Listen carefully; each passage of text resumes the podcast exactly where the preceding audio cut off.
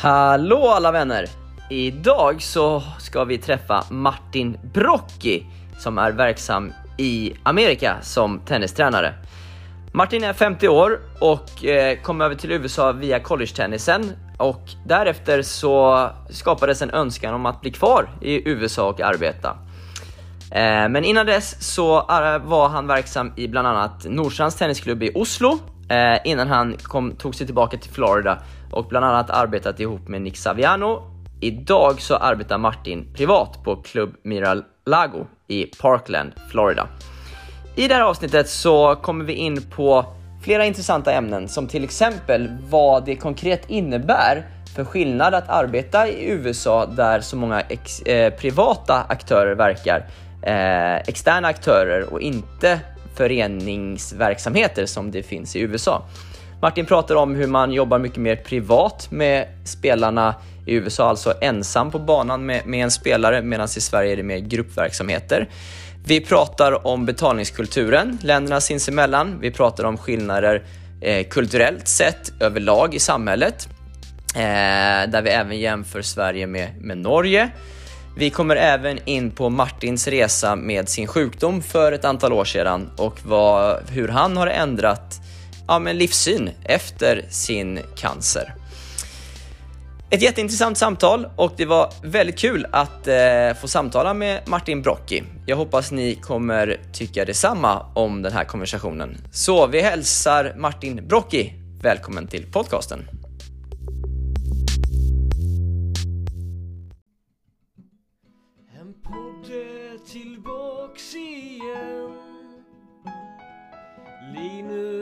På baslinjen Ja, han är tillbaka igen Linus på baslinjen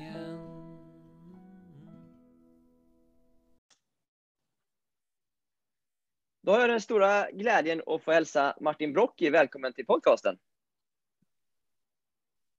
Tack ska du ha. Trevligt att vara här. Mycket trevligt. Eh, Martin, du har ju eh, tränarerfarenhet från många olika typer av miljöer och, och kulturer. Eh, och det ska bli väldigt intressant att få höra dina reflektioner utifrån det. Eh, men kan du börja med att berätta varför du från första början sökte dig utomlands för att jobba med tennis? Ja, det var väl egentligen inte att jag skulle jobba med tennis, men jag flyttade utomlands först, utan det var ju eh, jag som många andra svenska tennisspelare var intresserad av att spela tennis och eh, studera i USA. Ja. Så det var på den. eh, Det var så det var att jag, att jag kom över på, till, ja, till, till Amerika. Då. För att spela college-tennis helt enkelt? College tennis, ja. Just det. Och sen... Så jag var- eh, ja, Så jag var, där, du. jag var där fy- fyra år på college och sen eh, efteråt så var jag hemma, eh, var jag hemma i ett litet tag och så var jag faktiskt i Barbados eh, i sju, åtta månader och sen så var det väg till Luxemburg. Så jag jobbade, Jaha. jag såg att du hade Håkan här som eh, Håkan Dahlmo som gäst. Eh, han var före Precis. mig. Så jag jobbade ju eh, med i Estes, eh, på Estes då i sex år i Okej. Luxemburg. Det är lite intressant. Vad, vad, hur var den tiden? Var, var det lärorikt eh, att Ja, absolut. på STS? Absolut. Eh, Håkan han är ju väldigt kunnig. Jag har lärt, mig väldigt mycket av honom och även teamet. Det var ganska kul faktiskt att vara. När vi jobbade så var vi det var tio svenska tränare som jobbade i Luxemburg. Mm, mm. Så det Okej. var, var väldigt kul. Jag jobbade med, eh, ja, med Mattias Arvidsson som eh, ja, många känner till i svensk tennis. Och ja, från andra killar. Va, vad fick du med dig för mer konkreta erfarenheter ifrån Luxemburg? Vad, vad, vad lärde du dig där? Eh, ja, du menar, ten, menar tennis? Ja, ja, tennis, ja, det tänkte jag framför allt. Ja, nej, det var väl, vi, vi hade ju, Håkan hade ju, vi körde en utbildning samtidigt, så vi var ju, lärde mig väldigt mycket, både tekniskt och taktiskt och även med skador, skadeförebyggande, fysiskt. Egentligen väldigt, väldigt mycket lärde jag mig av, av Håkan. Han är ju väldigt kunnig, så att eh, ja. Mm. Just det. Och Barbados då? Vad var det där för någonting? Nej, det var mer, eh, det var mer turist. Det var mer, liksom, jag jobbade på, jobbade, jag jobbade på, på, mer på ett hotell. Alltså. Ja, Så det ja. var, ja, Men det låter, så det låter litet, härligt ändå. Absolut. Och efter Luxemburg då? Var, var tog du vägen då? Eh, efter Luxemburg så eh, var det väg till, eh, det var egentligen på väg till, till USA. Men så visade det sig att vårt, vårt visa var, blev, var väldigt försenat. Eh, i och med det här terroristattacken och allt det som hände. Ja, så att, det. eh, visste väl inte riktigt vad jag skulle göra, men så fick jag ett jobberbjudande från eh, Nordstrand i Oslo. Just det, Och då, tennisklubben ja. var det, ja, då var det bara att hoppa på det. Så då körde jag, flyttade vi dit och så eh, var jag där i åtta år. ja oh, åtta år. Men när du säger Mm. vi, det var du och familj? Ja, min då, familj. eller?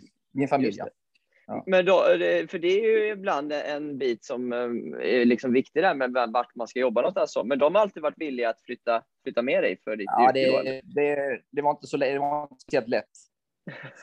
Det var det faktiskt inte, Okej, måste okej. jag säga. Vad, vad upplevde du för skillnader på att eh, liksom den norska mentaliteten och kulturen jämfört med, med vad du är van vid i Sverige? Jag trodde ju att det skulle vara i stort sett likadant, men det var det ju absolut inte. Utan det Okej, var hur då? liksom, Nej, alltså, så jag menar svenskar är mycket mer med, så tyckte jag när jag, när jag var där, det var mer att eh, det är väldigt viktigt att vara i tid och planering och allt det här. Och I Norge var det, det var lite mer avslappnat än vad det är i Ja. Sverige. Ja. Jag vet inte ja, vad det- du, du har också varit där, så att, eh, Ja, jag kände ungefär samma sak. Eh, Det var lite mer eh, ja, manjana, manjana, om man Ja. får säga så. Eh, men du blev ändå kvar i åtta år, så du trivdes ändå Ja, bra. nej, nej, jag trivdes, jag trivdes väldigt bra där, alltså. absolut. Trivdes Ja. otroligt bra på Nordstrands tennisklubb. Sen hjälpte jag också till lite på, för, på förbundet där med, med träning där och var även junioransvarig för eh, pojkar 16. Ja, Så jag var runt, runt på lite turneringar och EM och nordisk och allt det här. Just det, just det, just det. Eh, när jag trivdes, så hade jag, inte trivts, hade jag inte där så hade jag inte varit där så länge. Nej, nej. Nej. Tror du, tror du eh, norsk tennis har potential att följa upp eh, liksom, eh, framgångarna med Kasper Rud och så vidare? nu? Utifrån din erfarenhet från åren där. Ja, jag tycker de är väldigt på gång. De har ju kör ju väldigt. Eh, Öyvind Sörvall som är, jag, jag tror han är utbildningsansvarig fortfarande, men han, han körde ju på eh, redan från när jag var där, så massvis med utbildning och försökte få med sig tränarna och allt det här med. Det är olika åsikter, det här med med röd, orange och grön, grön boll och hela den här biten. Mm. Och så körde vi. Nej, jag tror, jag tror de, är, de är väldigt på gång, men det ser man nu med Kasper Rud också, hur, hur bra han gör det. Ja, verkligen, verkligen. Ja. Eh, eh, Det det är någonting jag tänkte fråga dig om det här med, med, du var inne på utbildningsbiten. Hur har du utbildat dig som tränare? Har du gått tränarkurser och så vidare? Du berättade om Ja, STS, det är en utbildning. Ja, eh, jag. ja STS, vi körde ju den utbildningen STS som var väldigt gedigen, men sen har jag också kört. Jag körde den svenska utbildningen med, med steg 1, steg 2, steg 3. Mm. Ehm, nu är det ju många år sedan nu, men det var på steg 3 var på Boost. En vecka var på en vecka var i Båstad, en vecka var på Bosön. Just det, just det. Och sen All har jag right. också eh, utbildat. Jag har också haft den här eh, PTR, Professional Tennis Bridge. Det är också har jag också licens. Just det. Och det är det som eh, Dalbo driver, va? Eh, jag nej, han driver, nej, han driver inte det. P- PTR, det är, det är, nu, det är här i USA är det antingen USPT, eh, USPTR eller uh, USPTA eller PTR. Ah, det just det. PTR. Just det. Ah, jag blandar ihop Ja. dem. Sorry, sorry. Eh, all right. Och, och efter tiden i Oslo då? Vad, vad, åkte du, flyttade du till USA så igen då? Ja, det var att flytta tillbaka till USA då. Jag ville egentligen tillbaka där. Eh, ja, jag ville ju inte, det var inte menat, det var egentligen var inte meningen att det skulle, att det skulle vara i Norge så, så länge eller att det skulle överhuvudtaget. Så att eh, det var ganska skönt att komma tillbaka för jag trivs väldigt bra här. Så Ja. vi eh, flyttade tillbaka i 2010. Okej, och vi ska prata Mm. en, en del om, om eh, dina erfarenheter från USA. Eh, men vad, vad var det som gjorde från början att du trivdes så bra i USA? Varför ville du tillbaka? Ja, men det var väl det, det väl många olika orsaker till det, men eh, framför allt vädret var är ju helt fantastiskt. Florida? Ja, så det är Ja. ju just nu så är det väl 27-28 grader ute. Ja, Men det har ja. varit, sommaren, är, sommaren har ju varit, den är faktiskt, det är fruktansvärt varmt alltså, måste jag säga. Det är 33 grader, nästan 100 procent luftfuktighet och så regnar det hela tiden. Så att, eh, ja, det är, oss, det är oss, det stormar och stormar hela tiden, men, eh, men vinter nu här eh, från typ från november till mars, april är ju fantastisk. Ja. Och hur, hur påverkar det liksom arbetet i sig när det är så varmt? Eh, jag tänker både för dig som coach, men även för spelarna ni coachar. Man, vän, man vänjer sig vid det. Ja. Man gör det, man vänjer sig vid vädret. Alltså. Det, som är, det som är det mest fru- frustrerande, det är, frustrerande är att när det börjar regna, det kan ju regna, det kan ju regna typ en vecka här. Vad gör man då? då? Ja, då, kan man inte göra så mycket. Men ni har, ni har inga inga liksom, inomhus- banor med tak? Nej, det finns ju knappt några inomhusbanor överhuvudtaget. Alltså. Så att eh, då är det, men har, jobbar, du med, jobbar du med elitspelare så kan man köra, kör man fys med dem, men har man, har man mycket tennisskola och vuxenkurser och sådana saker, de vill ju inte köra fys, eller hur? Då är det, då är det bara inst, inställa, ställa in. Alltså. Just Så det, det, just det det. kan vara det är lite frustrerande. Alltså. Det hade varit Ja. bra som det är som i Sverige, liksom att klubban, varje klubb har ju en inomhushall, så regnar det kan man gå in, eller hur? Ja, precis, precis. Man, man pratar en del om liksom att det, hålla intensitet på passen och så vidare. Men, men just när det är så varmt och, och som du pratar om på sommaren hos er, ja, är det liksom, kan man hålla samma intensitet med liksom de bättre spelarna då? Eller anpassar man det? Abs, abs, ja, jag tror, jag tror de, de vänjer sig vid alltså, vid vädret. Men Okej. alltså, man man märker när man, när man får spelare som, kommer från, som inte kommer från Florida, som kommer från, ja, de kommer från Skandinavien eller Kanada, de är ju, det tar ju, det tar ju nästan en vecka innan de blir liksom vana vid vädret. Eller? Mm, mm, mm. Ja, men så är det. Det är som när man kommer Ja. utomlands själva på, på någon tävling. Liksom. Det tar ju Ja. några dagar innan man anpassar sig efter klimatet. Mm. Så är det ju. Men Eh, givetvis måste man måste ju köra mycket pauser med mycket vatten, så vatten och sportdricka. Och, Just det. Hur, hur fick du jobben från början i USA? Ehm, fick jobbet. Jag jobbade ju på, på Saviano först i sex månader, eh, i i sex år. Jag säga. Då, eh, det jobbet fick jag. Eh, jag tror Pelle Fridell hjälpte mig där, för han var, hade varit med och, och kört med ett par spelare hos Nick, så att han. Eh, eh, jag kontaktade när jag kom hit så kontaktade jag en hel del olika akademier och så. Så fick jag det jobbet. Okej, och visum fick du genom det första jobbet då eller? Nej, det var, det var, det var, vi fick green card genom en annan sak. Det var inte genom, genom jobbet. Okej, okej, okej. Eh, Och du, var, du sa att du var på, på Saviano i sex år. Mm. Eh, be- Berätta lite om, om det. Ni, ni, Nick Saviano är ju liksom en, en välkänd coach. Här. Eh, Jobbade du med honom personligen eller hur, hur, hur var arbetet Alltså, han- på han- akademin? Ja, han hade ju en, han hade ju, han har ju en akademi. Han var ju Plantation innan eh, på Frank Veltri där de spelar Orange Gold. Mm. Eh, nu har han flyttat. Jag vet inte riktigt var han är nu, men så vi jobbade där. Det var, vi var, det var Nick då, så var vi väl eh, åtta, nio coacher som jobbade under honom. Okej, okej. Så hade vi, vi vi hade, och det var bara stort sett eh, juniorer. Det var inga, det var ingen tennisskola, inga vuxenkurser, utan det var bara liksom high performance players. Så det var professionella spelare och eh, högt rankade juniorer. Och, och när man jobbar på ett sådant ställe, följer alla coacher en gemensam liksom, struktur i hur man lär ut saker och hur man bedriver träningarna? ja, vi körde ju det också. Vi hade ju utbildning där också. Så där han Okej. gick igenom och skulle träna på vad vi skulle liksom. Så vi, så man försöker köra liksom så att man har samma språk, eller hur? Ja, ja. Kan du berätta lite, hur, hur, hur, så, hur, vad, vad var det för struktur? Eller vad var viktigt liksom enligt den här mallen, så att säga? eh, vad var viktigt? Ehm, ja, men det är viktigt att, att vi mer eller mindre hade samma åsikter och, eh, om de olika, alltså, när vi lärde ut de olika slagen. Så att, men när man har så många spelare, vi hade, jag tror det var nästan 50-60 spelare ett, där ett tag. Och då är, där, där är de inom massvis med olika banor. Då är det viktigt att de får samma instruktion på de olika Mm. slagen. Så Mm. inte eh, en tränare säger en sak och en annan tränare säger en, en sak och en tredje tränare säger något annat. Då blir det ju bara Ja, det blir inte Ja. speciellt bra, eller hur? nej, Så det var liksom, försöka och och liksom prata med samma, samma språk och, och liksom lära ut eh, de olika slagen i stort sett samma. Ja, ja. Och, och liksom, eh, vad, hur, hur stor frihet hade du som individuell coach liksom, att freestyla liksom, och komma på dina egna Nej, men det, sätt? det, eller? jag, jag, hade, jag, jag hade stor frihet, absolut.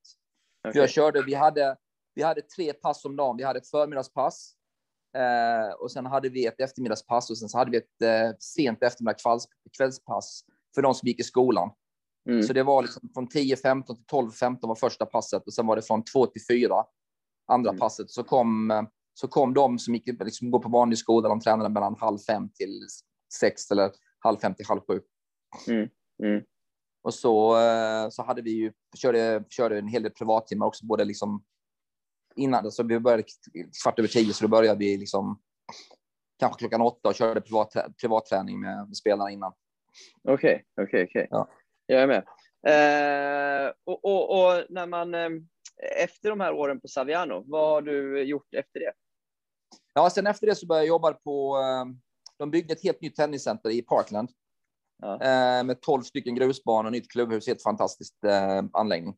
Så att eh, det var en, en engelsman som heter Rob Nichols, så han kontaktade mig och frågade om jag var intresserad av att liksom starta upp, hjälpa honom som headcoach på den klubben.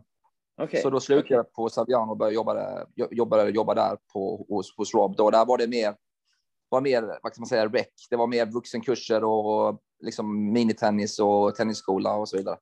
Mm, Så det var egentligen, det var egentligen helt annorlunda från, från där, jag, där när jag jobbade på Nick. På Mm. Nicks. Och hur var det för dig som coach då? Eh, När du säger att det var helt annorlunda. Var, Nej, var det men det lika var- motiverande liksom? Ja, eller hur kände du kring det? Start. Absolut, det var, jag tycker det var väldigt motiverande att starta upp där. Liksom det var, vi hade ju inga spelare och vi, vi byggde upp en ganska stor bas. Så vi hade ju nästan 100 spelare på, efter ett par månader så hade vi typ 100 spelare i, i, i, i, regi. Då. Hur, hur bygger Så- man upp det? Så, Ja, det, var det var genom, alltså vi hade, de fick in, vi var ute på de olika skolorna och det, det är samma sak som det är i, typ i, i Sverige. Man är ute på skolorna och lämnar ut flyers och, och snackar och Ja. Facebook och allt möjligt. Och, och sen hjälper det att man gör ett bra jobb också och är, och är lite trevlig med folk. Det är väl, ja, just det. att, och att just det. först och främst att de har det roligt, det är ju, liksom, det är ju jätteviktigt. Eller? Ja, Att de har det kul. Eh, Jag, jag tänker det där är ganska intressant där med i, i, i USA då, eh, så, så är det ju ganska mycket privata aktörer eller akademier. Eh, Mm. I Sverige och i, i Norge då som du var i så är det ju liksom föreningar eh, och det är Ja. ju lite skillnaden då. Kan du reflektera lite väldigt- över vad det- innebär det- det? det är väldigt stor skillnad. Det är ju, alltså som i, som i, ja, som i Sverige så är det ju, visst ska, ska klubben tjäna pengar, men det är liksom inte det som är drivkraften, eller hur? Nej, exakt. Men det är det Utan ju det är i, de, de, USA. pengarna som, de pengarna som går in, det är liksom då, det sätter de in i klubben, eller hur? Och Ja, här är det de här priv- privata akademierna, det handlar ju om att tjäna så mycket pengar som möjligt, eller ja, ja. Och hur påverkar det ditt jobb? Eh, hur påverkar det mitt jobb? Jag vet inte, jag försöker bara vara i stort sett samma som i Sverige. Alltså jag försöker liksom eh, behandla, behandla alla likadant och göra mitt bästa liksom. Ja. Eh, jag tänker inte så mycket på den biten faktiskt. Okej. Men blir det inte att man blir lite mer säljare ändå? Ja. Jo. Men du menar, du menar privattimmar och sådana saker eller? Ja, ja, precis. Att det är liksom viktigt att kunden kommer tillbaka så att säga. Alltså blir man Ja. lika ärlig i sin feedback? Förstår du vad jag menar? Jag tycker, jag, jag tycker det. Jag, jag, Mm. jag, jag tycker att man kan sitta, liksom, sitta och, liksom, och inte vara ärlig, utan jag försöker säga det som, som det är. Liksom. Ja, ja, Eh, ja.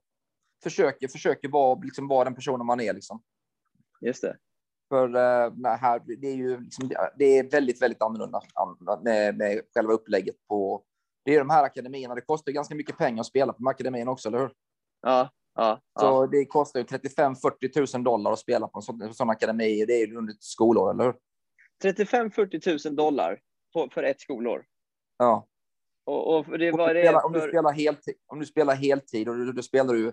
Många av de här är ju, de, de tar ju online-skola, eller hur? Så då har de liksom fyra, fyra timmar tennis om dagen plus, plus fys. Och sen är det Okej. många som kör privat också, samt, alltså de lägger in privattimmar också, eller? Så de är uppe i en halv miljon per skolår ungefär. Ja, det är inte, då är inte de, då är liksom inte turneringar eller privattimmar eller sådana saker in, liksom med i budgeten, utan det är bara själva, själva träningen, eller hur? Hur har folk råd med det då? Är det bara rika personer? Ja, ingen aning alltså. ja. Nej, men det är ju, det är ju, det är väl så också här. Alltså, det är ju folk som, som, är med, som spelar på sådana akademier. De har det ju, de har det ju gott ställt, eller hur? Ja, ja. Ehm, jag vet inte vad det kostar. men Nu har jag ju sett, nu, nu poppar det upp akademier eh, som eh, Muratoglu och, och eh, Nadals tennisakademi. Det kostar väl nästan lika mycket att spela, kostar li, nästan lika mycket att spela tennis där som det gör i USA, va? ja, jag har inte koll på exakta siffror, men det skulle jag nog tro. Uh, Verkligen. Så det är väl samma. Det är samma sak där. Liksom det, har du inte liksom, har du inte resursstarka föräldrar så är det väldigt svårt att komma in på ett sådant ställe. Ja, ja. ja, det är en annan betalningskultur. Eh, och jag, jag tror personligen Absolut. att Sverige, Sverige kanske, jag, jag ska inte säga att vi ska nå, gå hela vägen dit, men kanske behöver lära oss ta betalt för en bra produkt i alla fall. I Sverige ska ju allt Ja. vara så otroligt billigt och då är det svårt Ja, att få kvaliteten i det också. Absolut, absolut. Och det är liksom, det är väl hela den. Jag håller med dig. Ja. Hela det tankesättet det är ju helt annorlunda, eller hur? Ja, ja, men exakt, exakt. Speciellt här i i USA, det är ju liksom. Det är ju kapitalism, eller hur? ja, Så att, eh, det är väldigt, väldigt annorlunda mot i Sverige. ja. Men, men eh, hur, hur har liksom eh, i övrigt är liksom den amerikanska kulturen, mentaliteten och så vidare. Eh, Hur, hur, tycker du det är att bo och, och leva där borta? Ja, Har du jag trivs. mycket av det? Ja, det har man väl. Man försöker ändå vara. Man försöker ju ändå vara den man är, eller hur? Men eh, jag trivs. Du har också varit i USA. Jag trivs, väldigt, väldigt bra här måste jag säga. Alltså. Mm. Ehm, och det är en, en av orsakerna är ju vädret. Det är liksom att det är så bra, så pass bra väder hela tiden.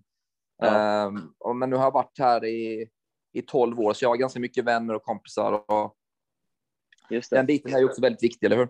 Ja, verkligen, verkligen. Eh, amer amerikansk tennis överlag känns ju på sätt och vis på gång. Det är, framförallt på damsidan kommer det fram väldigt mycket duktiga yngre tjejer. Eh, Ja. men, men även ett gäng, gäng herrspelare också. Hur, hur är liksom snacket borta i USA kring liksom elittennisen? Men det, det kommer ju. Många av de här spelarna kommer ju från de privata akademierna, eller hur? Ja, ja, det vet du bättre än mig, men jag gissar det. Ja, nej, men det, det, de spelar i de privata akademierna, så nu så är det ju. Nu USGA har ju byggt. eh, De har ju byggt ett nytt tenniscenter i Orlando. Jag var, jag, jag var faktiskt där i förra året med Ja. med, hund, med hundra banor Sinnessjukt. och de har liksom. Ja, de har alla underlagen. Det är liksom hardcourt, grön grus, rött grus. De har innebanor också där. Okej, okej. Ehm, och, så de försöker väl. eh, De försöker väl liksom plocka de, de, de talangerna som de tror på och ge dem. De får ju ekonomiskt stötte. Mm, mm. Det får de. Det vet jag att de får. Just det. Men, men, men jag tänker att i och med att det är så mycket privata aktörer, det kan inte vara lätt för förbundet att fånga upp allihopa. Alltså att Nej. få koll på det. Och sen är det så stort också. eller? Det är ju så stort, eller hur? Ja, ja. ja Men sen får du tänka på också, det är, ju- det är liksom, Florida är ju den staten som har, har liksom bäst tennis. Det är väl Florida, Kalifornien och Texas tror jag, som är de tre starkaste. Sen har du Mm. många stater där de knappt spelar någon tennis alltså, överhuvudtaget. Just det. Så även, Just det. även det är väldigt stort. Liksom, det, det är inte som i Sverige. Som i Sverige spelar ju alla. Det är, liksom, det är väl så i Sverige. Där spelar väl alla tennis i hela landet, va? I stort sett. Ja, ja, det är väl eh, uppåt landet som kanske är lite tunnare. Men absolut, Ja. det spelas absolut. Så att det, just Florida är väl. Florida är väl det, det är ju absolut den staten som är st- starkast tennis i. Ja, ja, ja, jag är med. Eh, Har det med vädret att göra eller? Eh, Jag tror det har med vädret att göra. Sen tror jag också att det är, om du tänker på, speciellt från Europa, det, det är inte bara, det, är många, det, är, vi har ju, det finns väldigt många europe, europe, europeiska spelare som är här och spelar också, eller hur? Ja, Och det är, det är inte så långt att flyga, eller hur? Som att flyga, om du ska flyga till Kalifornien så är det ju liksom nästan dubbelt så långt. ja, ja, det, är, så- ja det, är, det är sant Ja. faktiskt. Det är sant. Och sen är det alltså, klimatet är ju liksom, det är ju fantastiskt, speciellt, ja, speciellt under de här månaderna nu som, som kommer nu med november, december, där det är Orange Bowl och Mm, mm. de här stora turneringarna. Just det. Ja.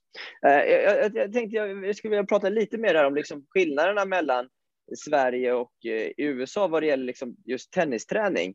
Eh, Mm. fick, fick du liksom, hur ska man säga, var det ett nytt sätt för dig att driva lektioner på när du kom till USA jämfört med vad du van, var van vid i Sverige och USA? Jag tänker grupplektioner kontra mer individuellt eller vad ni fokuserar på.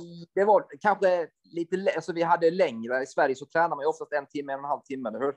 Ja, ja exakt. En, Och en och en där, halv. vi, hade ju, vi hade längre pass. Det var längre pass där. eh. Men sen var jag, jag var ju i Luxemburg också. Det var ju liksom. Det var, det var ju liknande här. Det var ju också privat, väldigt många privata kunder och sånt. Så att eh, kände att det var kanske inte så stor skillnad från Luxemburg. Men i Sverige så är det väl, jag vet inte hur det, hur det funkar nu, eh, men eh, det är väl betydligt mindre privatträning i Sverige. Allting är väl nästan grupp, va? Eh, väldigt mycket grupp. Eh, ja, Ja. precis. Det är väl lite dagtid för vuxna egentligen som ibland kör privatlektioner. Men, men juniorer är ju mycket grupp. Ja, och det, här kör ju alla, alltså alla kör ju privat här, så stort sett. Alltså. Ja, det är det, så. det, alltså, spelar de i en akademi så, så, så har de ju gruppträning, men de kör, de kör säkert i alla fall två, tre timmar privat i veckan också. Som betalas extra för då. Ja, Just det, just det, just det. mm. Eh, och, och, det tror jag, tänker jag, tror det är nöd, jag, tror det, jag tror faktiskt det är nödvändigt att ha om du ska spela på en hög nivå och kunna, och kunna liksom få privat träning och, och träna på de sakerna som verkligen du behöver träna på. Ehm, Ja, men det håller jag med om. Eh, Ja. Men då, tänker jag också att då kommer man tillbaka till det här med att det är en vinstdrivande aktör som liksom driver Mm. allting. Att man vill ju också sälja privatlektioner, tänker jag. Eller? Ja, sen, sen handlar det också om banor. Jag menar, ehm, när jag jobbade på Frank där- vi hade ju 30 stycken grusbanor på den anläggningen. Okej. Så det är liksom, det är inga problem att få en bana, eller hur? I Sverige det- kan man ju, det kan man alltså bo, äh, hallen är, om det är på, på vintern så är kanske hallen är uppbokad, eller hur? Det är, Ja, inte så lätt ja. få, det är inte så lätt att få en privattimme klockan fyra på eftermiddagen, eller? Nej, det kan jag säga. Det är omöjligt i storstäderna Ja. i alla fall. Ja. Just och här det. kör, som jag, så, så, som jag jobbar nu, så kör jag kör i stort sett bara, det har ju varit med covid nu med, med alla de här reglerna och allt det här, så att vi, vi fick ju inte ha några, fick inte köra några grupptimmar, så vi har kört väldigt mycket privat. Så Okej. jag kör ju kör mest privat nu. Jag har knappt några gruppträningar. Jag har typ, hur många timmar grupp har jag? Jag har typ två, en och en halv, sex, sju timmar i veckan gruppträning. Alltså. Okej. Och hur mycket Och sen- privattimmar då? Hur mycket står du på banan en vecka? Ja, det är olika, men jag försöker, försöker stå på så mycket som möjligt. Men eh, om det inte regnar så, så jobbar jag mellan 40 45 timmar. På banan? Ja. Ja, just det. Men, och var någonstans eh, arbetar du nu? Eh, Liksom, Ja, vilken, i, ja, den, heter, den, alltså den klubben heter Miralago. Det är, det är egentligen ett eh, bostadsområde som har tennisbanor. Okej. Så vi har, vi har sex, vi har nio, vi har nio, eh, nio hardcourtbanor. Okej. Men du är helt egen nu? Eller? Ja, jag är egen. Okej, okej. Det är, Eh. det är, det är Kokavek Tennis Academy som är där, och, som, är där och, och som har liksom kontraktet. Och så jobbar jag som eh, independent contractor. Okej, jag, okej. liksom, ja, så jag har mina egna kunder och jag sätter men- mitt eget schema och hela den här biten. Så det, det är också en annan sak som är helt annorlunda mot Sverige. I Sverige och Sverige och Norge så är man ju anställd av klubben oftast, eller? Ja, precis. Vad tycker du om att vara egen på det sättet? Det, det är ju, jag du, det du sätter ditt eget schema, men du har ju inte heller samma trygghet, antar jag, i att forma Nej, en lön. det, jag trivs väldigt bra med det. Ja, måste På vilket säga. sätt då? Nej, men att du, du har frihet. Du, liksom, du, kan, du, kan liksom, du kan bestämma när du vill jobba. Och har du mycket kunder som jag har så är det ju, givetvis i början, om du inte har speciellt mycket kunder så är det ju, kan det vara ganska tufft, eller hur?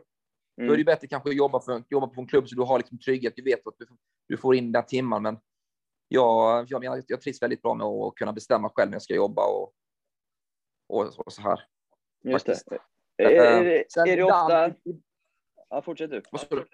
Ja, alltså, ibland så kan det vara jobbigt med regnet. Det, det, det kan ju regna, liksom, eller hur? Du står på banan, du har hela, du har hela liksom, uppbokad med timmar och så, så regnar det en hel dag. Ja, det, det är Då surt. får, du inte betalt. då får du inte betalt, eller hur? Nej, nej, nej. Exakt. Så, men då, är det, då, är det då försöker jag liksom påminna mig att liksom, man kan inte liksom tänka på just den dagen, du får tänka på hela året. Liksom. Ja, just det. Just det. Vad, vad, olika, vad, säsong, olika vad- säsonger. Liksom. vad, vad, kostar en privatlektion ungefär? Vad tar du? Eh, vi, tar, vi tar 90 dollar för en timme. Okej. Och Det är då... är- För en halvtimme också, det är 45 dollar. För en halvtimme. Och då ska det, skattas det på sånt då, eller hur funkar, Ja. funkar de bitarna? Mm. Okej. Och vad kostar en banhyra ungefär? Nej, barnhyran är inkluderat i det. Okej. Men, men vad, betalar du banhyra då, eller?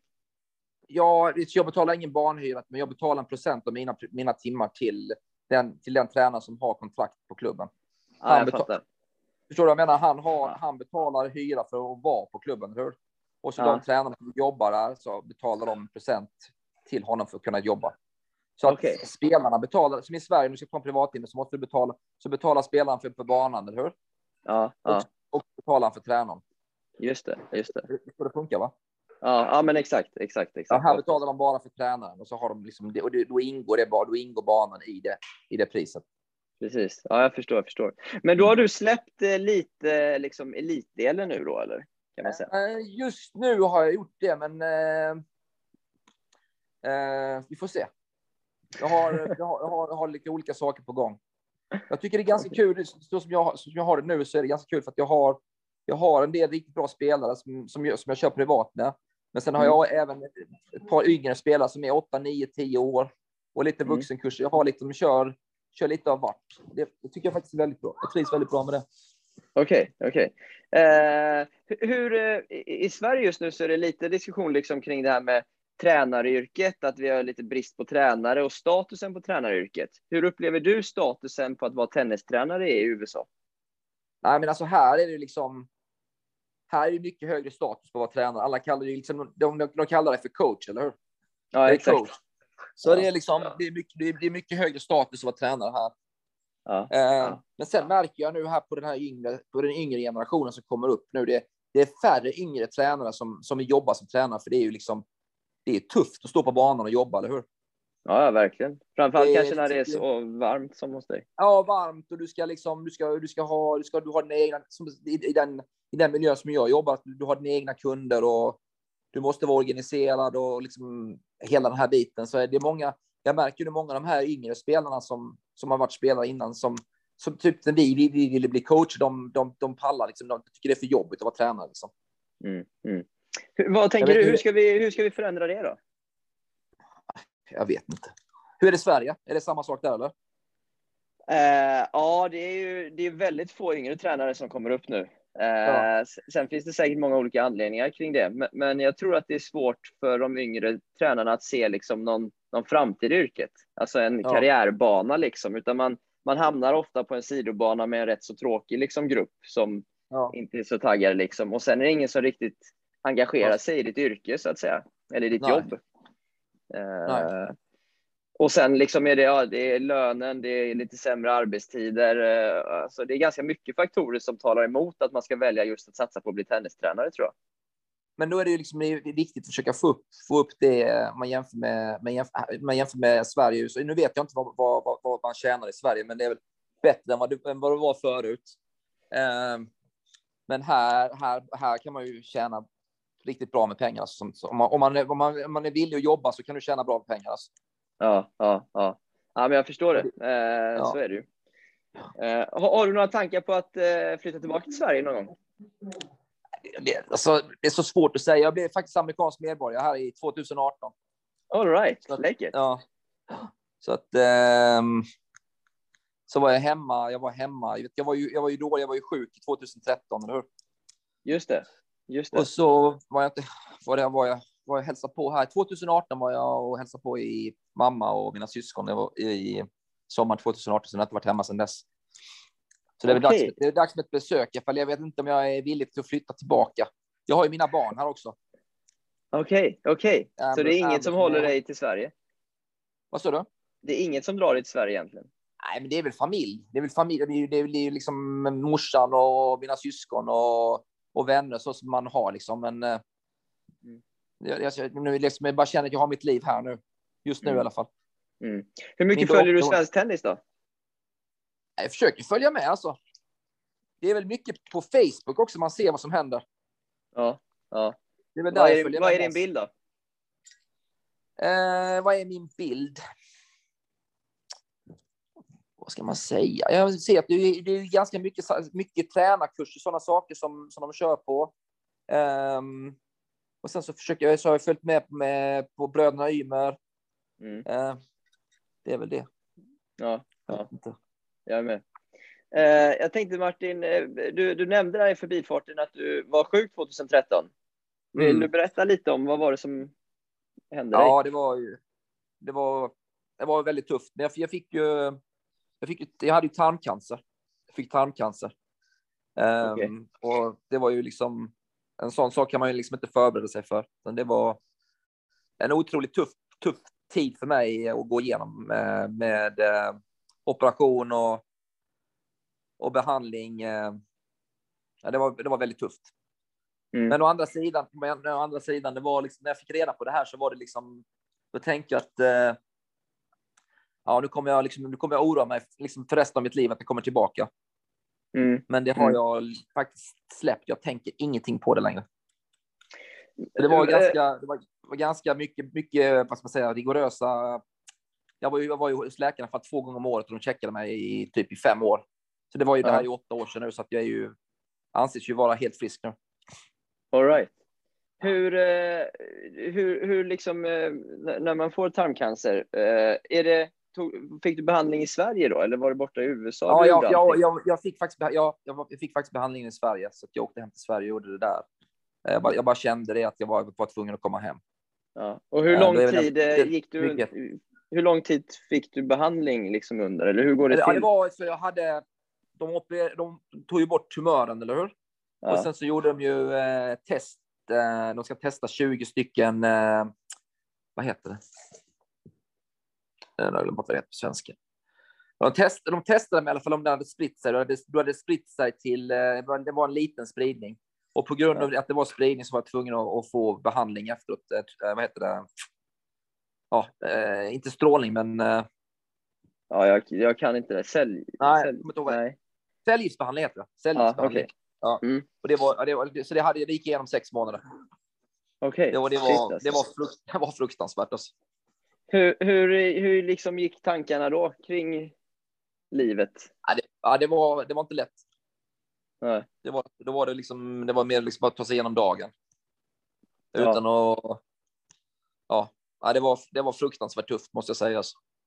Men jag hade, jag hade mycket, hade, min familj var helt fantastisk och jag hade, hade mycket vän, många vänner som, som, var liksom, som skickade meddelanden och sånt. Och, så det hjälpte ju, eller hur? Ja. Ja. Sen, sen visste jag visste också det att, eh, att jag, jag visste att jag, skulle bli, att jag skulle bli frisk. Liksom. Att jag visste inte om att det, skulle komma tillbaka, men eh, jag var ju liksom, det, var, tog bara, det skulle bara ta lite tid innan jag kom tillbaka. Så det Okej. visste jag ju hela tiden. Eh, men, men jag måste säga att det har, faktiskt, det har faktiskt förändrat mitt liv. Jag, har, jag var ganska, jag oroade mig för, mycket, ganska, för många olika saker innan. Nu försöker jag bara ta en dag i taget. Är det så? Har du ändrat Ja. perspektiv på det sättet? Ja, helt, helt och hållet. Alltså. Okej. Helt och hållet. Är, är det liksom något som... Eh... Ja, det är något som följer med dig än idag liksom? Alltså, ja, men det de är liksom, man tar, man tar, man tar ju liksom hälsan för givet, eller hur? Mm. Det gör man när man Ja, har varit ja, frisk hela sitt liv, eller hur? Ja, Och så har hållit på, med sport hela, hållit på med sport hela sitt liv och, och så helt plötsligt så kommer en sån, liksom, sån, kommer en sån sak. Ehm, nej, det. eh, så det, det, man, kan inte ta, man kan inte ta det för givet. Där har, har, har man inte hälsan så har man ju ingenting. Nej, nej. Så, Hur, hur lång tid tog det innan du var tillbaka liksom på, på tennisbanan och började jobba igen? Och så? ja, jag jobb, började jobba lite, jag började jobba lätt. Det var nog i februari alltså. Min sista behandling var i december, så det var i februari. Men jag var ju, jag orkade ju ingenting. Det var ju liksom, jag orkade slå tre bollar, sen fick jag sätta mig ner liksom. Nej. Så att eh, det tog mig nästan ett helt år. Det tog mig ett, ungefär ett år att bli helt återställd. Okej, okej. Och sen, Sen, så eh, flyttade du tillbaka till USA då? Ja, nej, men det var ju direkt. Det var ju liksom, jag flyttade hem i. Det var ju så, så fort behandlingen var över så flyttade jag hem. Okej, okej, okej. Ja, flyttade tillbaka hit. Mm. All all right. Men-. Och, och nu är du helt, eh, du sa du är helt friskförklarad? Ja, jag är, helt frisk. Jag är helt frisk. Jag ska, jag ska ha det, är en ny test nu som jag ska ha i, i slutet av året eller i början av nästa år. Okej. Eh, All right. Ja, Eh. häftigt alltså. Starkt att ta sig igenom. ja, det var, det var, det var, det var, det var väldigt jobbigt måste jag säga. Man önskar, man önskar nå- att någon ska, ska behöva gå igenom det. Det var fruktansvärt. Jag måste bara fråga sista frågan på dig. Hur, hur märkte du att du hade det här? Eh, nej, men det var väl att jag var, jag var, blev väldigt, väldigt trött. Okej. Och så då tänker jag, under den tiden så jobbade jag väldigt mycket och det var varmt, liksom, eller hur? Ja. Så man tänkte, Ja. inte, man tänkte inte så mycket på det, eller hur? Men så vak, jag vaknade mitt på natten och hade jätte, jätte, jätteont i magen. Liksom. Och så tänkte det här, det här, det här, det här stämmer inte. Det måste vara något som är fel. Alltså. ja. ja. Och då kollade du upp det liksom? Och då... Jag bara kollade upp det och så, så fort jag fick det beskedet så var det bara liksom, nej, måste jag bara, jag måste bara tillbaka till Sverige. Alltså. Jag visste, jag hade ingen aning om det hade spritt sig, om det var jättemycket spridning eller hur det var någonting. Jag, hade ju, jag tog det ju tidigt, eller hur? Ja, ja. För det, det är ju många som, det är faktiskt många som dör av, eh, av den typen av cancer också. Så om, du, om du inte får hjälp i början så är det ju ja. så är det inte, bra, så är det inte speciellt bra.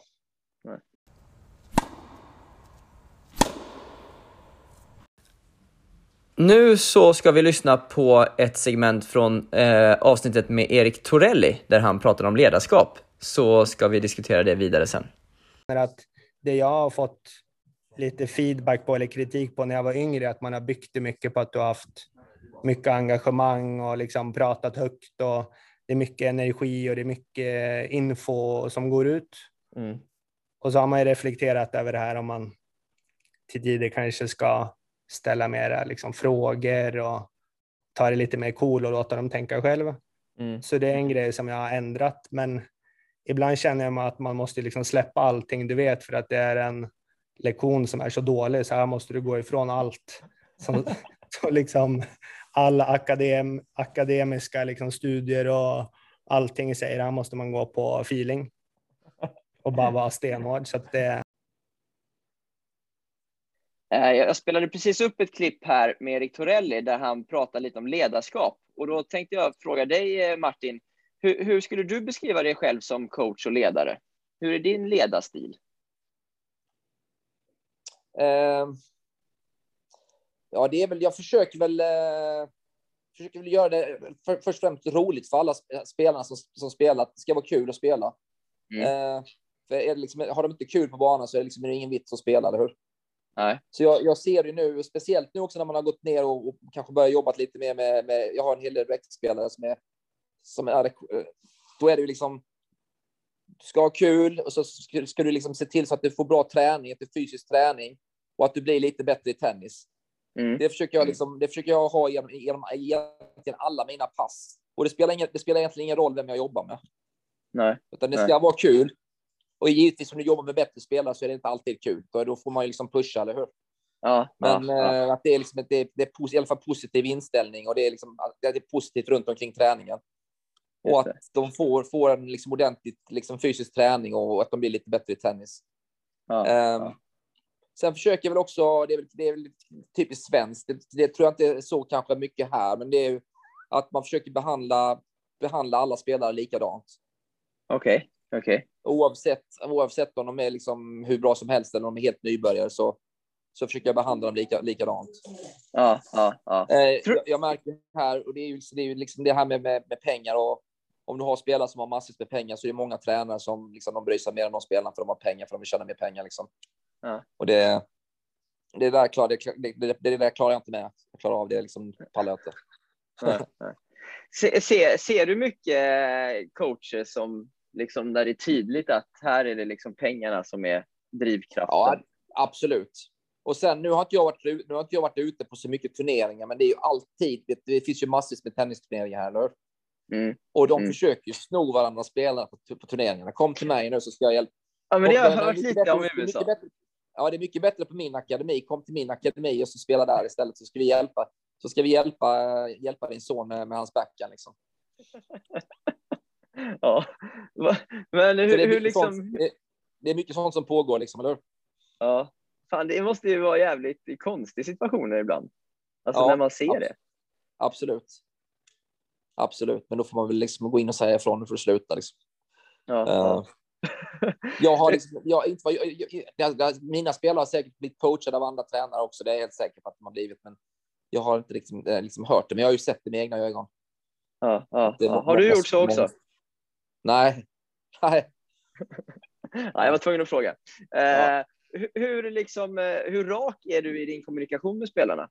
Liksom, hur, hur hård kan du vara liksom, i, i din Ja, coachning? men det beror, jag tror det beror lite på ålder och nivå, eller hur?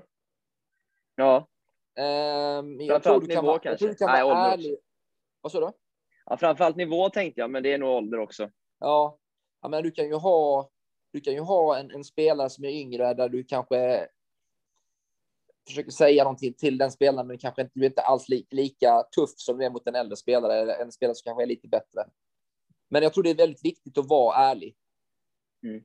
Mm. Absolut. Um, så man liksom inte drar på för mycket och, och så de får liksom, vad ska man säga, att de tänker, eh, de tänker att de ska bli proffs när de egentligen inte har egentligen inte en, en enda chans att, att kanske spela college-tennis. Det, det ser du nej. ju också ibland, eller hur? Ja, ja. Spelare visst. kanske inte. Då får man försöka liksom främja det istället. Ja, ja, just det, just det, just det. Mm. Eh, hur, hur är din bild av college-tennisen? Är det en bra väg att gå för att eventuellt vilja satsa på att gå pro sen? Det såg jag faktiskt om nu det var varit ganska mycket snack om det den sistone i svensk tennis, va? Ja, exakt. Ja, det är det. Ja, Ja, absolut. Jag såg det på, jag såg det på Facebook. Ehm, nej, absolut. Jag tycker eh, det man märker, det man märker nu i, i med tennisen, det är ju att spelarna de bryter igenom betydligt senare Mm. än vad det var förut, eller hur? Ja, exakt. Så om du, om du, går, om du bör, liksom börjar college i, när du är 18 här, de börjar här, de är 18 i Sverige, så man, när går man ut gymnasiet när man är 19, va? Ja, jag, jag tror det. Ja, Ja, så spelar du fyra år i tennis så är du liksom klar med skolan när du är 22 eller 23. Mm. Och då har du liksom, då har du en utbildning. Om du kommer utomlands, då har du en, liksom en, en universitetsutbildning plus att du har ett språk, eller hur? Ja, ja. Eh, och sen har du massvis med erfarenhet och liksom spelar du på den absolut högsta nivån så, så menar jag att det är, det är en väldigt bra väg att gå. okej, okej. Ja, intressant. Eh, Martin, Sen, eh, och, sen är det också betydligt billigare. Alltså få, få ett scholarship än att liksom försöka traska sig fram på satellitvägen med, med inte ha några sponsorer, eller hur? Väl egentligen den biten är ju jätteviktig i ekvationen, Ja. just den ekonomiska Ja. biten. Att du får fyra års satsning liksom betald mer eller mindre. Ja, du, och du får Eh, liksom resor och du blir liksom trä, du får liksom, du har ju allt, eller hur? Du har, du har liksom Ja. utrustning och resor och turneringar och allting betalt. Vilken skola gick du på? Eh, jag, var, jag var först på ett junior college som heter Brunswick Junior College och sen så var jag på Webber som är ett litet universitet i, som ligger mellan Orlando och Tampa. Har du aldrig varit sugen på att eh, coacha på college? Jo, det har jag faktiskt, men det har liksom inte, det har, det har, liksom inte blivit något av. För att det, oftast är det så att om du ska, om du ska, antingen har du liksom tur så att du liksom, det är ett jobb som dyker upp, eller hur? Ja, El- Eller så får du flytta på dig. Så det, man ser Ah. ju, man följer med, men jag liksom, det är liksom ingen lust att flytta från Florida till, till kanske till Indiana eller eh, Montana. Montana är faktiskt väldigt, jag var ju där på semester. Det var ju fan- det är fantastiskt fint, men eh, jag ville inte flytta på mig, utan jag ville vara här i Florida liksom. okej. Och många av de många av de här tränarna som, som är tränare här, de, de slutar inte, de jobbar ju hela sitt liv här, eller hur? Som collegetränare. ja, jag fattar det. Men det verkar ju jäk- jäkligt kul ändå att coacha college. Ja, jag. nej, var, ja, absolut.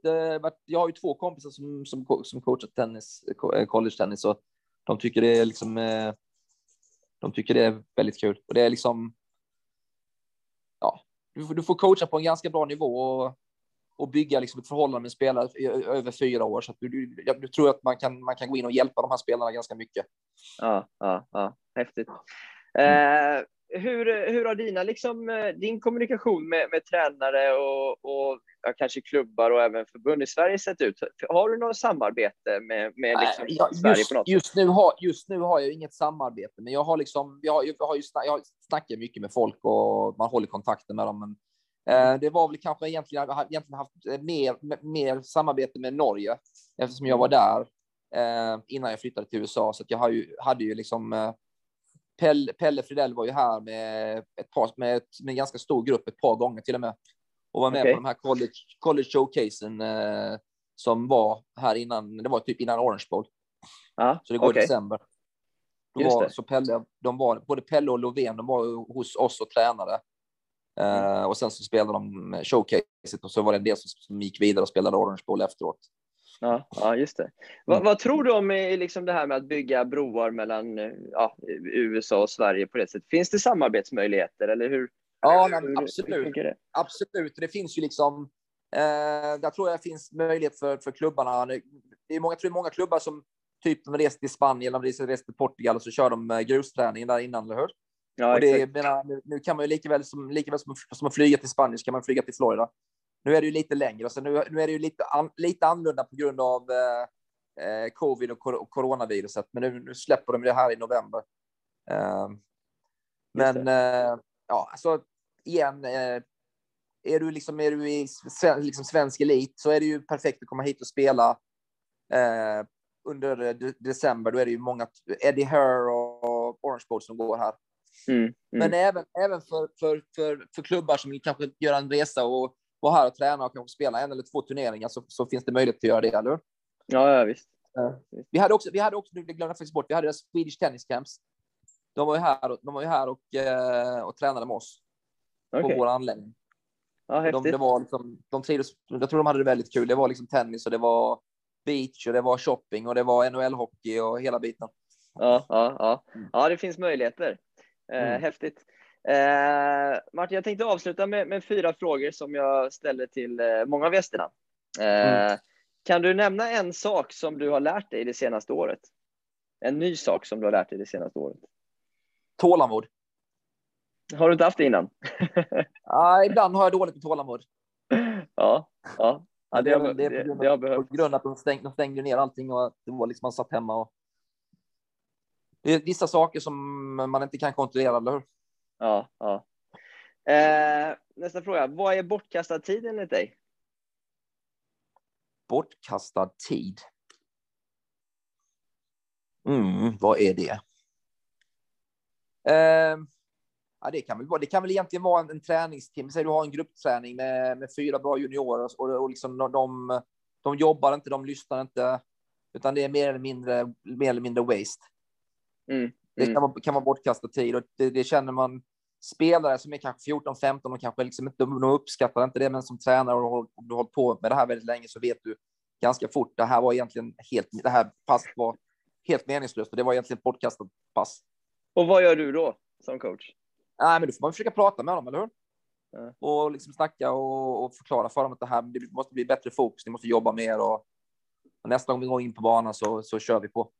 Försöker, Ja, försöker göra det bättre. Just det, just det. Mm. Eh, lite krångligare fråga kanske, men vad tror du på som du upplever att andra inte riktigt håller med om? Vad jag tror på. Ja, men det är kanske det, det, det är kanske här då. Det är ju liksom så som jag känner, känner det, det är att man ska behandla alla likadant. Ja, just det. Ja, det sa du det, innan. är, lite, det är lite svenskt. Det är ju här är det, här är det inte riktigt så. Här är det liksom. Här är det mer det är många som behandlar folk. De behandlar folk olika på grund på, på grund av ja, om de har pengar eller om de kan få ut något av det. Ja, Ehm. ja. Vad har svenskar för rykte i USA? När du säger att du är svensk, liksom, vad blir Nej, men det är bra. Det är bra rykte. Svenska, svenskar har ju bra rykte, eller hur? Ja, jag vet Fortfarande. inte, men... Fortfarande. Okej. Ja. Nej, men när man säger att man är från Sweden så är det liksom, ja, det är liksom, ja, det är ett fint land och, och det är många som känner till, de känner ju till många liksom sportspelare, alltså Björn Borg och hockey är väldigt stort här borta också, eller hur? Just det, just det. det, är många som känner till eh, många hockeyspelare och Ingen vet vem Zlatan är. jo då. Nu, alltså jag har, nu här vet, i södra Florida så är det ju, vi har ju väldigt mycket, det är väldigt mycket folk från Sydamerika som bor här, eller hur? Ah, okej, just det. Så Just so det. socker, fotboll är ju väldigt stort, så jag har ju mycket kunder som är som kanske kommer från Colombia eller Brasilien. Ja, men det finns mycket från Brasilien här, så Okej. att eh, så de vet ju vem han är, eller hur? ja, häftigt. Ja. Eh, vad, vad har du ändrat uppfattning om den senaste tiden? Ändrat uppfattning om, vad har jag ändrat uppfattning om?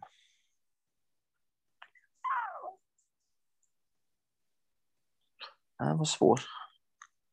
Ja, Ändrar inte- uppfattning ibland? Ja, det, det, det tror jag man gör, alltså man, när man blir äldre också, eller hur? Så jag vet, man vet ju också när man kommer, när man kommer som i början när man, när man kommer in som tennistränare, så tror man att man kan allt, eller hur? Ja, jo. Ja. Ja. ja, men så är det. Absolut. Sen, ju, längre, ju, mer, ju mer man jobbar med den här biten så vet man hur, fattar man hur mycket man egentligen inte vet. Ja. Känner du att du utvecklas fortfarande? Absolut. Nu, nu, nu är det, det har varit ganska länge sedan jag gick på en tränarkurs. För det, det funkar lite annorlunda här mot vad det gör i Sverige och Norge. Sverige och Norge, om du har en tränarkurs så, så går du på en kurs, men då får du fortfarande betalt, eller hur? Ja, om man är anställd av i klubb- klubben. Av, av klubben, ja, om du är anställd av klubben. Här är det liksom, om jag ska ta ledigt så tar jag ledigt en, liksom en helg eller en, en hel vecka så, så går jag miste om en hel del Ja. pengar. Liksom. Just det. Ja, det är jag liksom fattar. inte tjäna pengar, men det är liksom att kunna betala räkningarna. Ja, just det. Just det. Jobbar du sju dagar i veckan? Det kan, det, det kan hända. Ibland jobbar jag sju dagar i veckan. Det, gör jag. Det beror lite på med vädret. Om det, om det, liksom, det regnar mitt i veckan så är det att man tar igen en dag kanske, eller hur? Ja, just det. Just det. Ja, jag fattar. Eh, sista frågan. Vad, vad Mm. önskar du dig mest av allt just nu? Ja, jag önskar mig egentligen det är väl att liksom vara, vara frisk och kunna köra på liksom och det är, det är ju egentligen helt otroligt att man kan liksom gå upp och liksom hålla på med det man älskar, eller hur? Man går upp på morgonen och så kör på med tennisen liksom i fantastiskt väder och nej, jag bara, liksom, bara, att det bara, att det bara fortsätter så här. Ett par Ja. år till i alla fall. Man är ju inte, Ja. man är inte så ung längre. hur, hur, hur gammal är du? Jag är 50. Det är ingen ålder. Herregud. 50 är lite Ågren alltså. 40, 40, hela, väg, hela 40 var okej, alltså, men 50 det kändes tungt. Alltså. ja, det är bra. Men, det, men det är bara ett nummer nu. Jag antar det. Eh, Martin, superkul att prata med dig. Tack så jättemycket för att du tog dig tid och, och delade med dig av din resa. Tack detsamma. Absolut. Tack för att ni lyssnade på Martin Brocchi. Jag tycker ju som jag nämnt innan att det alltid är coolt när tränare gör internationella karriärer. Det är att man, man börjar ju ofta sin tenniskarriär med att drömma om att bli, bli proffs och resa runt i världen som spelare. Men för att vara, vara helt ärlig så de flesta når ju aldrig dit. Men att man sedan kan få uppleva världen även som, som eh, coach är ju jättehäftigt. Eh, vilket Martin är ett lysande exempel på när han, nu när han hittat eller funnit en väg i, i USA och eh, gjort en karriär där. Så superhäftigt att få höra honom berätta om den här resan. Eh, glöm inte besöka www.linuspabaslingen.com för att läsa fler reportage om tränare som bland annat gjort karriär utomlands. Som till exempel Joakim Nordmar som är verksam i Kalifornien som ni kunde läsa om för några veckor sedan. Men som såklart ligger kvar i arkivet på hemsidan. Så kika in den. Tack så mycket för den här gången och vi hörs snart igen.